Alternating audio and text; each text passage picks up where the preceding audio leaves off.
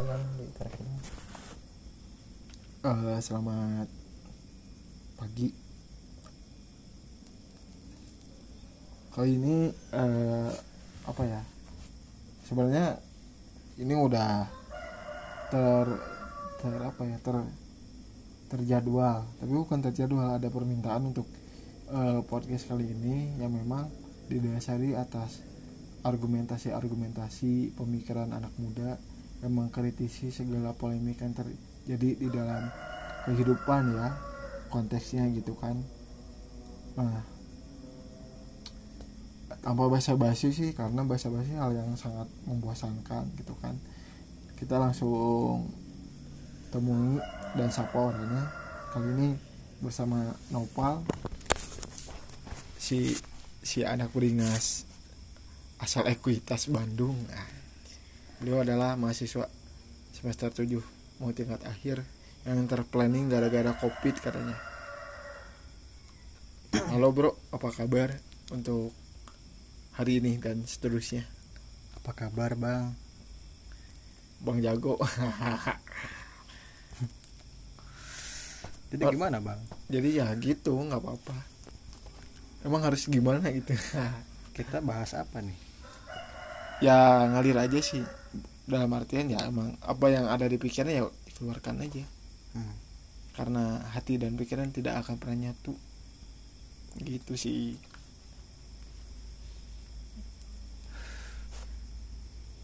Eh iya. Eh apa yang eh, biasanya pemuda rasakan ketika situasi modern ini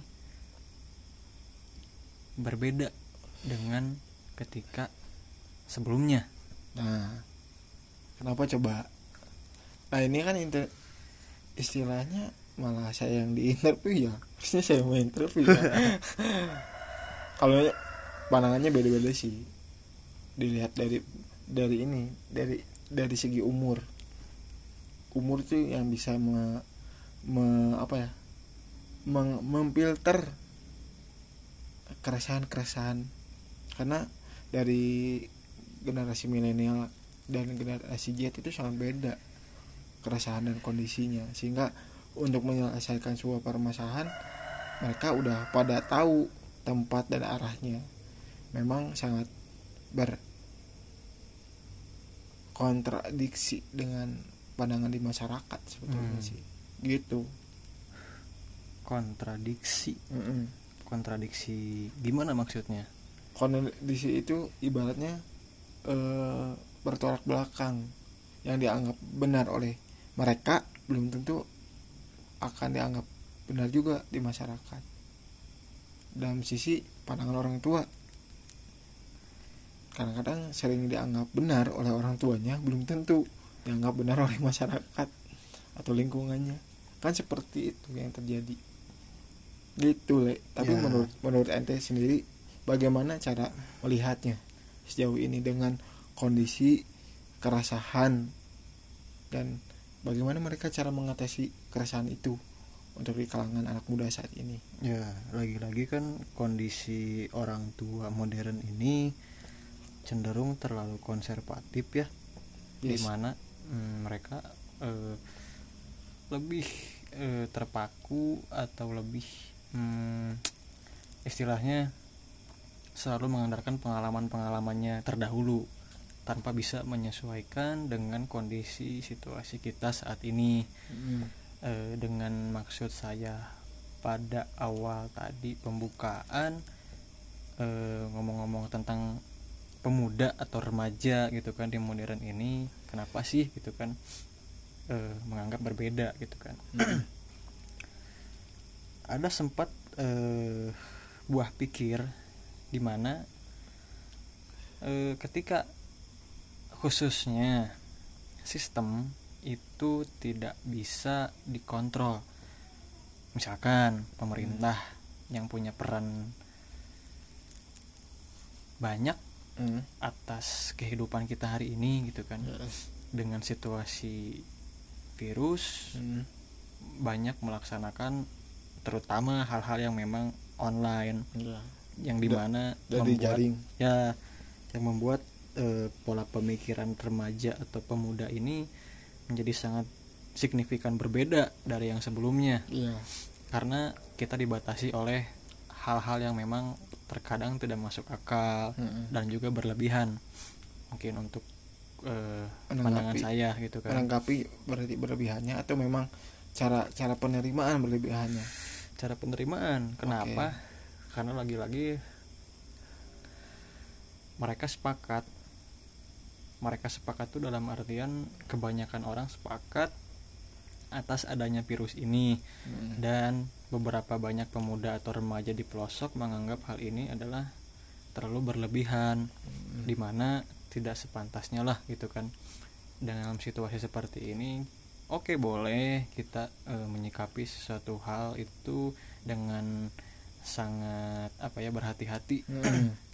dengan upaya untuk pencegahan terlebih corona virus Iya. itu kan tapi lagi-lagi orang-orang pelosok dan juga orang terpinggirkan ini mereka terkadang lebih eh, menganggap situasi ini sama saja Seperti kondisi yang mereka Ya, sudah jalani. iya Apakah mereka cenderung dengan kondisi yang serba terbiasa karena kondisinya lagi-lagi mengalami kesusahan, lagi-lagi mereka berjuang eh, survive dari kehidupan yang serba susah. ya Landasan itu yang tertanam kuat atau memang ada eh, hal yang berbeda dari segi hmm, pemikiran-pemikiran? Karena kan pemikiran-pemikiran orang pelosok kan sudah dibentuk dari orang tua mereka ketika me- mereka eh, mendidik, berkomunikasi, berinteraksi dengan anaknya. Apakah ada hal lain dari dari dari segi sudut pandangnya gitu kan? mungkin beberapa pemuda pelosok menganggap hal ini sama saja dan bahkan terkadang mereka berpikir ini adalah satu pembodohan Oke. di mana ketika mereka disuguhi semacam bantuan, Hmm. dana bantuan, UMKM, prakerja bla bla bla yang pada akhirnya mendorong atau mm, menggiring Ya.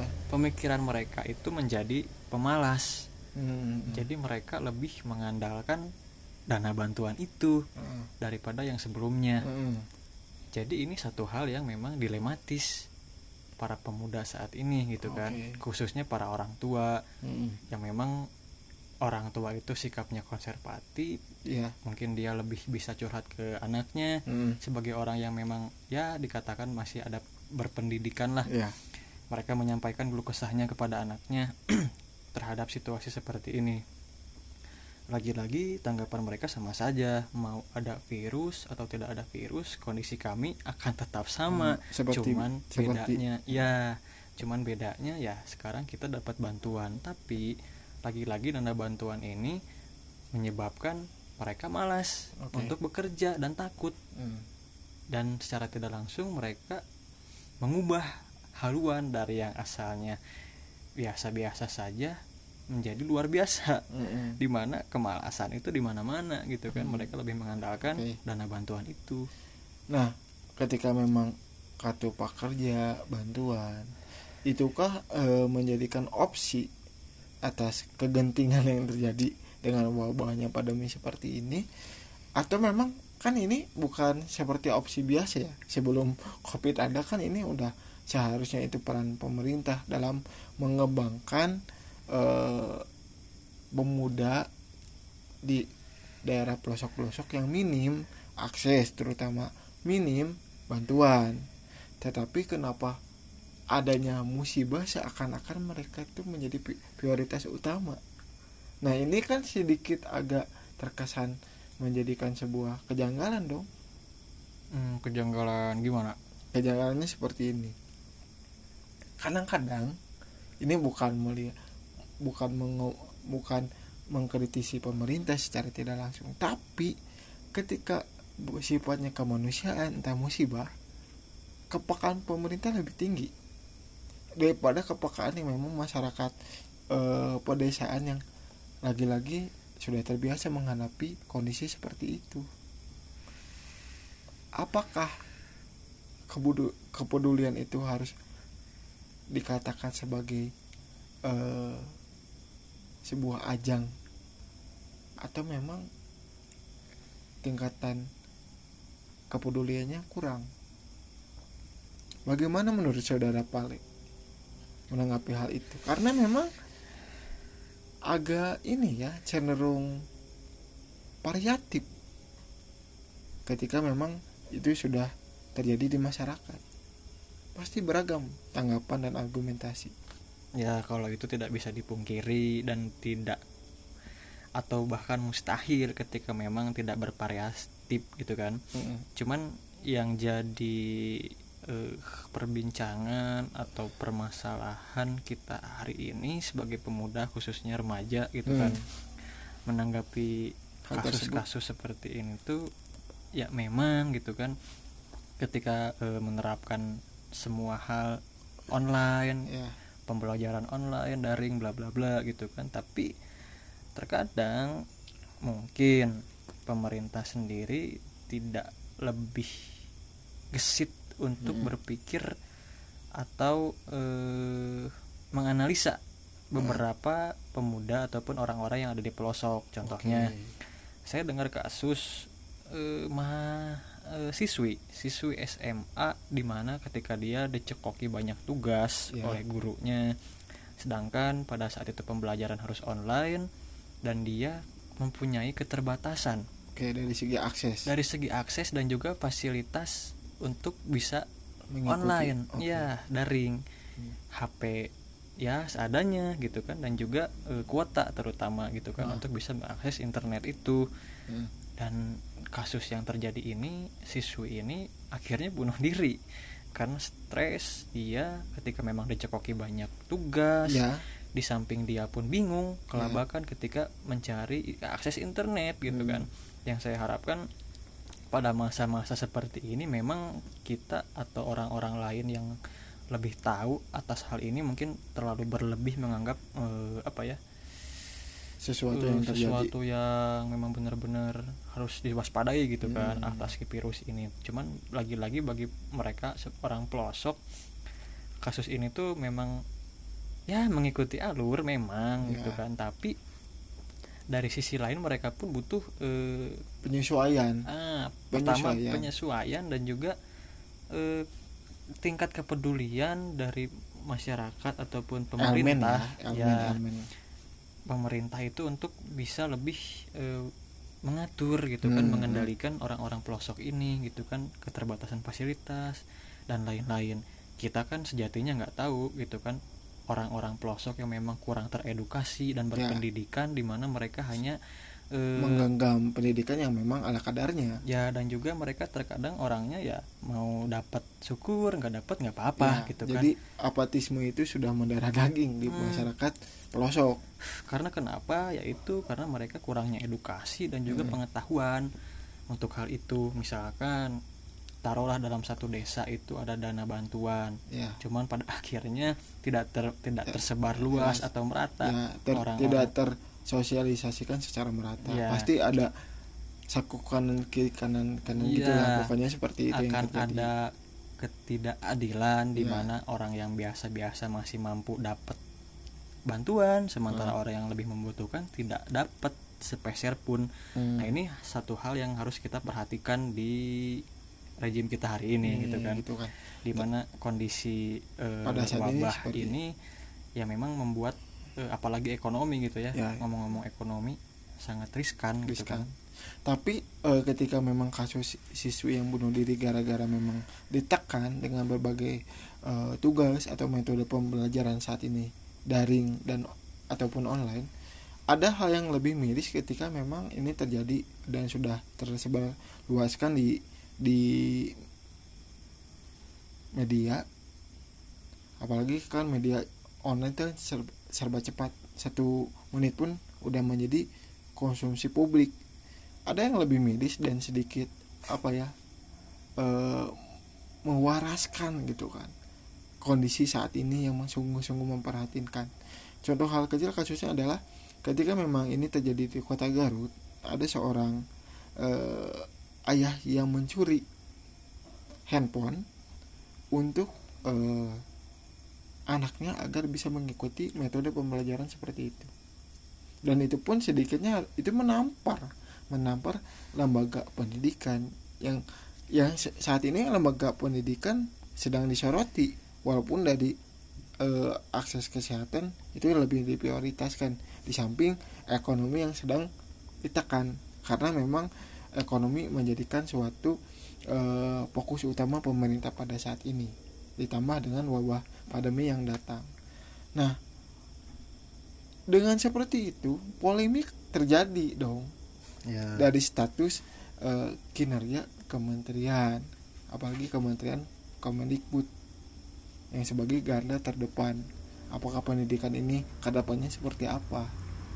Itu dong sama-sama ditekan. Hmm. ketika menteri kesehatan yang sedang ditekan ini pula yang terjadi di Kemendikbud contoh ini sedikitnya kan bagaimana?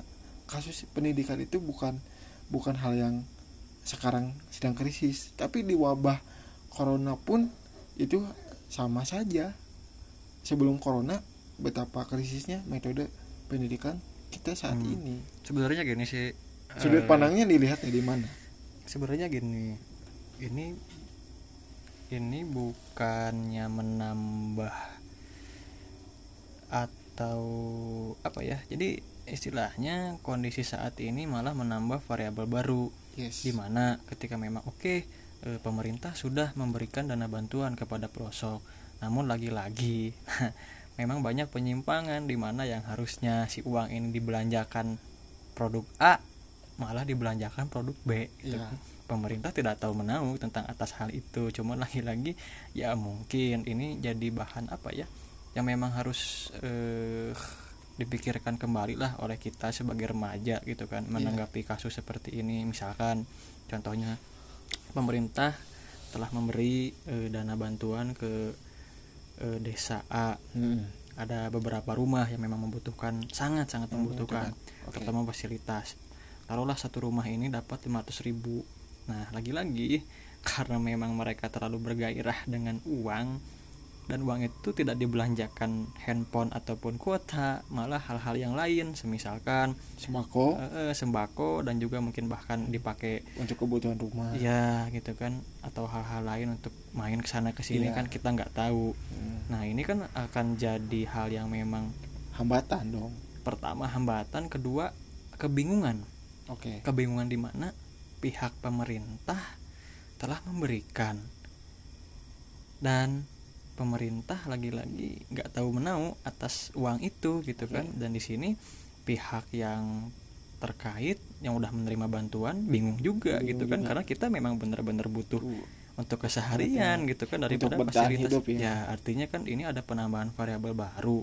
Dan ini nggak cuman satu desa atau satu rumah bahkan Oke. seluruh pelosok tapi gini sebenarnya kalau misalkan uang itu digunakan untuk beli handphone dan diberi dan diberikan dalam bentuk handphone ya sebagai eh, alat media untuk mengikuti metode pembelajaran pada saat ini apakah rata-rata orang tua maupun muridnya mampu menggunakan atau meng- eh, mengakses handphone secara baik? Kadang-kadang kan kalau misalkan tidak tahu sama sekali kan ini menjadi kendala juga apakah perlu ada pendampingan khusus atau sistem pendampingan seperti ini? Biarkan si guru datang ke rumah agar bisa membantu untuk si murid yang tidak tahu menggunakan handphone ya. atau mengaksesnya menjadi tahu. Hmm. apakah itu sangat perlu? Karena memang kan kejadiannya ketika diberikan berupa bantuan nominal pasti kan tidak direalisasikan bentuk menjadi barang handphone itu malah Ya. di- dipergunakan yang sangat kebutuhannya mendesak lah. Ya. Katakanlah seperti itu. Apakah perlu pendampingan atau bagaimana? Ya secara umum memang perlu pendampingan. Dalam hal edukasi apalagi mereka yang baru memegang handphone gitu Iya kan kan? pertama kali. Hmm, karena sejatinya ya orang pelosok itu bukannya dalam kurang hormat atau kurang menghormati orang pelosok ataupun sebagainya lah. Ya. Cuman yang saya lihat rata-rata orang pelosok itu hanya tahu handphone dan Ya. tidak pernah tahu menau tentang Ya. cara menggunakannya apalagi aplik- aplikasi-aplikasi tertentu ya ya kalau handphone biasa mungkin mereka tahu cara menggunakannya misalkan menelpon, meng-SMS dan untuk handphone saat ini yang dimaksudkan adalah smartphone ya di mana banyak aplikasi dan juga tata cara yang memang harus eh, mereka tahu gitu kan. ya kan. Nah, pendampingan di sini ya mungkin tidak hanya guru saja gitu kan. Cuman ya mungkin segelintirnya ada siswa-siswa yang lebih tahu daripada siswa yang lain gitu Ya, kan. Nah, di sini pun peran siswa atau mahasiswa bahkan bisa lebih eh, membantu Oke. rekan-rekannya atau kawan-kawannya yang akhirnya akan membuat satu tim. Jadi si guru tersebut tidak usah atau tidak perlu terjun ke lapangan langsung karena Iya. notabene yang namanya guru apalagi dosen sangat sibuk yang saya tahu gitu kan ya, ya. karena tidak satu sekolah mungkin yang Ya, dia eh, ajar gitu kan Nah, kalau misalkan gitu mungkin eh, harusnya ada peran aktif eh, mahasiswa ya, mahasiswa dan siswa. Mungkin ada ada seperti pembangunan untuk pihak desa dan lembaga-lembaga eh, di masyarakatnya berperan aktif juga. Misalkan dikata dikatakan metodenya seperti ini. Eh, taruhlah misalkan pos kamling. Pos Hmm. kamling yang digunakan untuk menjaga eh, masyarakat di malam hari pagi harinya itu di- digunakan untuk sosialisasi Eh, misalkan si murid ini besok ingin belajar untuk aktivis misalkan mahasiswa yang peduli dengan lingkungan atau eh, kepada masyarakat kan bisa digunakan untuk sosialisasi di pos kamling sebagai pengganti kelas atau ruangan untuk ya maksudnya untuk meminimalisir eh, penyebaran virus ini. Apakah metode itu bagus? Saya rasa sih emang bagus kalau misalkan eh, sistem itu dipergunakan untuk eh, apa ya membantu hambatan-hambatan yang terjadi. Ya sebenarnya eh, sebelum kita ke sana kita pun kan harus berbincang dulu Iya. atau berdiskusi dengan pihak setempat terutama perangkat eh, pemerintah yang mungkin eh, desa RT dan pun RW setempat gitu kan akan baiknya seperti apa gitu kan apakah kita membuat fasilitas baru Hmm. dalam satu ruang lingkup tempat gitu kan Ya, khusus betul. untuk pembelajaran Hmm. atau memang kita mengedukasi rumah satu-satu gitu kan Hmm. yang saya rasa sih yang harus diterapkan eh, untuk hari ini eh, perangkat eh, daerah sekitar lebih bisa memusatkan sistem ini kepada orang-orang yang memang mampu dan Oke. tahu akan fasilitas ini misalkan ya Hmm, handphone oke. dan lain sebagainya. Nah, setelah itu kita kembangkan gitu kan. Akan seperti apa? Misalkan menyediakan fasilitas WiFi dalam satu Hmm. tempat untuk mereka eh, pembelajaran gitu kan. Hmm. Yang akhirnya si tempat itu akan bermanfaat dan mungkin bahkan menjadi ruang literasi gitu kan. Oke. Nah, kembali lagi kepada literasi. Mungkin kalau misalkan pandangan menurut saya pribadi, ketika memang nanti ada tempat literasi atau pos kami gunakan untuk metode pembelajaran dan sistemnya ada WiFi, WiFi itu sistem eh, aksesnya seperti warnet. Gimana maksudnya? Sistem warnet itu kan ada billing. Ya. billing itu dipergunakan untuk eh, teman-teman nanti eh, pe- orang-orang yang mendampingi ini sudah memiliki akses untuk untuk bisa menggunakan nah akses ini dipantau kan didampingi untuk eh, metode pembelajaran yang sudah dijadwalkan dari Senin sampai Jumat. Karena Hmm. satu minggu otomatis mereka kan libur anak-anak sekolah ini. Nah mungkin dengan sistem eh, seperti warnet ini untuk penggunaan wifi itu sangat bagus.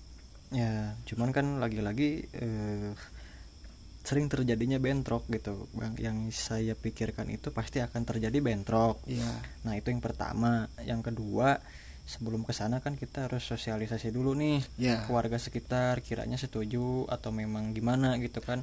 Kita setidaknya harus bikin kuesioner mau nggak mau gitu kan. Kita pendataan harus juga perlu. Nah, pendataan dari setiap rumah atau setiap desa gitu kan bahkan sampai ke tingkat yang memang lebih jauh. Pendataan di mana ketika responden menginginkan atau membutuhkan, nah, kita akan adakan nih satu acara di mana mempertemukan mereka semua agar Hmm. mereka tahu tujuan kita untuk apa dan juga akan seperti apa.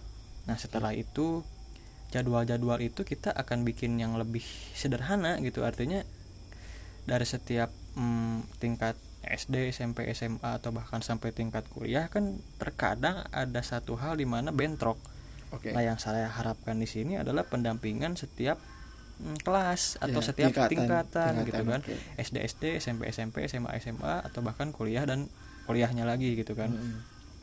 Nah, berarti eh, fasilitas di sini kita harus bisa eh, merata Hmm. di mana pasti ada kemungkinan SD pun dengan SMA satu jadwal gitu kan Betul. jadi kita harus bisa memperluas si wifi ini Hmm. jadi jangan sampai wifi ini limit gitu Oke. di mana hmm, terbatasan Oke. gitu kan oke saya sepakat ada sistem billing cuman lagi-lagi kan terjadinya bentrok ya mungkin penyesuaian jadwal yang menjadi hambatan juga ya Nah, mungkin dari pendataan itu lebih kepada volume. Volume di sini adalah eh, bagaimana eh, pendataan ini berlaku untuk eh, setiap kepala keluarga yang yang yang mungkin kalau di pelosok kan jarang ya Hmm. orang menggunakan wifi. Tetapi kan pendataan ini kan ada- dilihat dari tingkatan si anaknya. Apakah ada yang eh, sekolah SD berapa setiap rumah, kelasnya berapa, atau memang eh, bisa berkoordinasi ya mengadakan dengan konsensus lagi ya atau bisa berkoordinasi dengan pihak sekolah atau wali kelas yang mempunyai data. Hmm.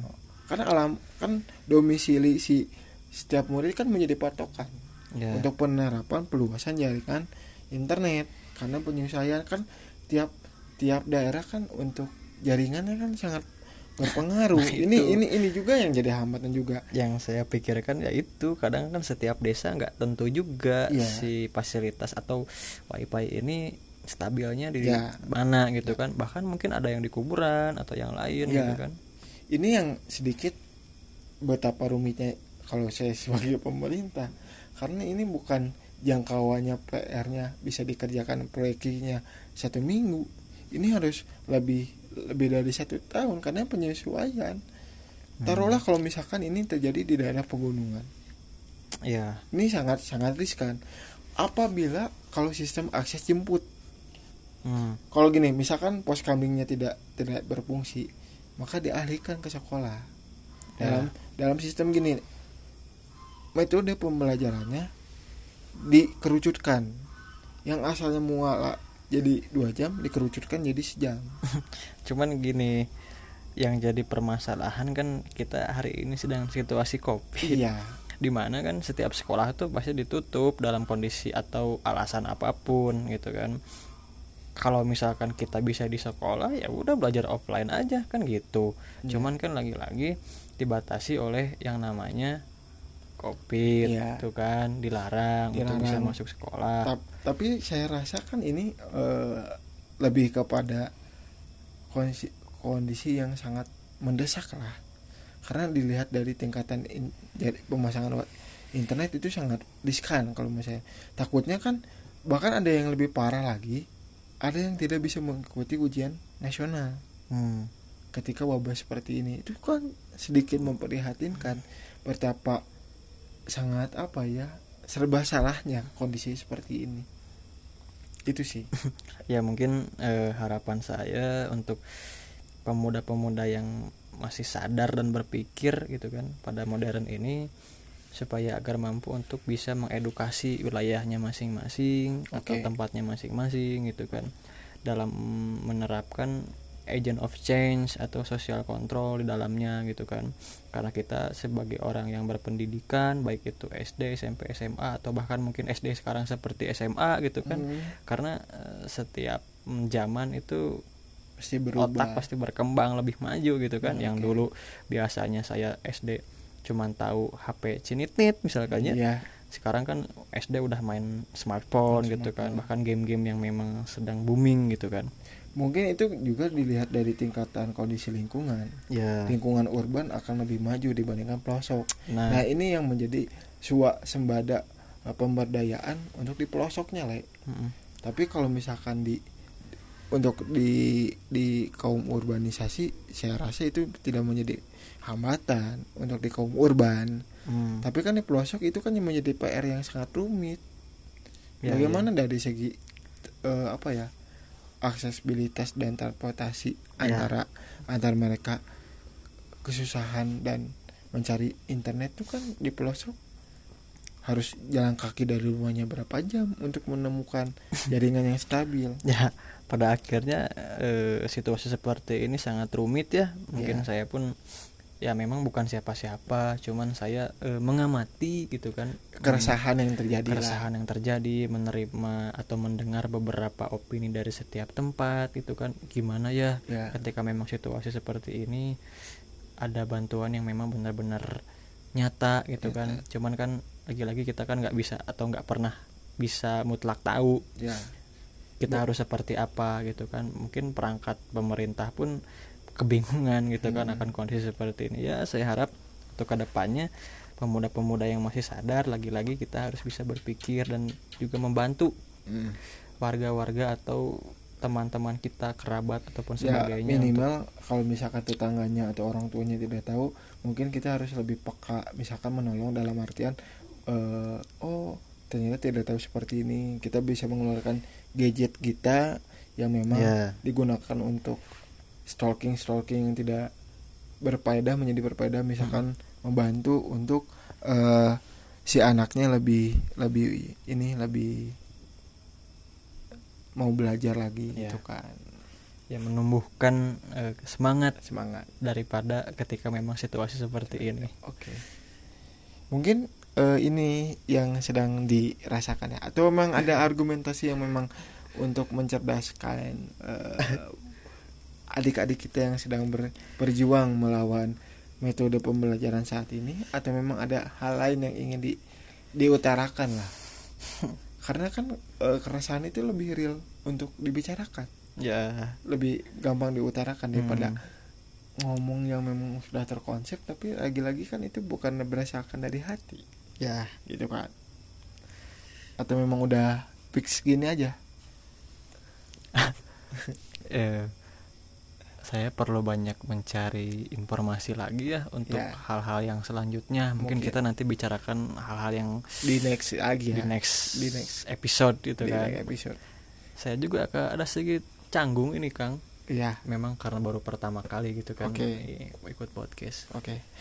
Mungkin eh, itulah percakapan mempercerdas umat ya. Karena mempercerdas itu lebih lebih susah dibandingkan untuk memitarkan.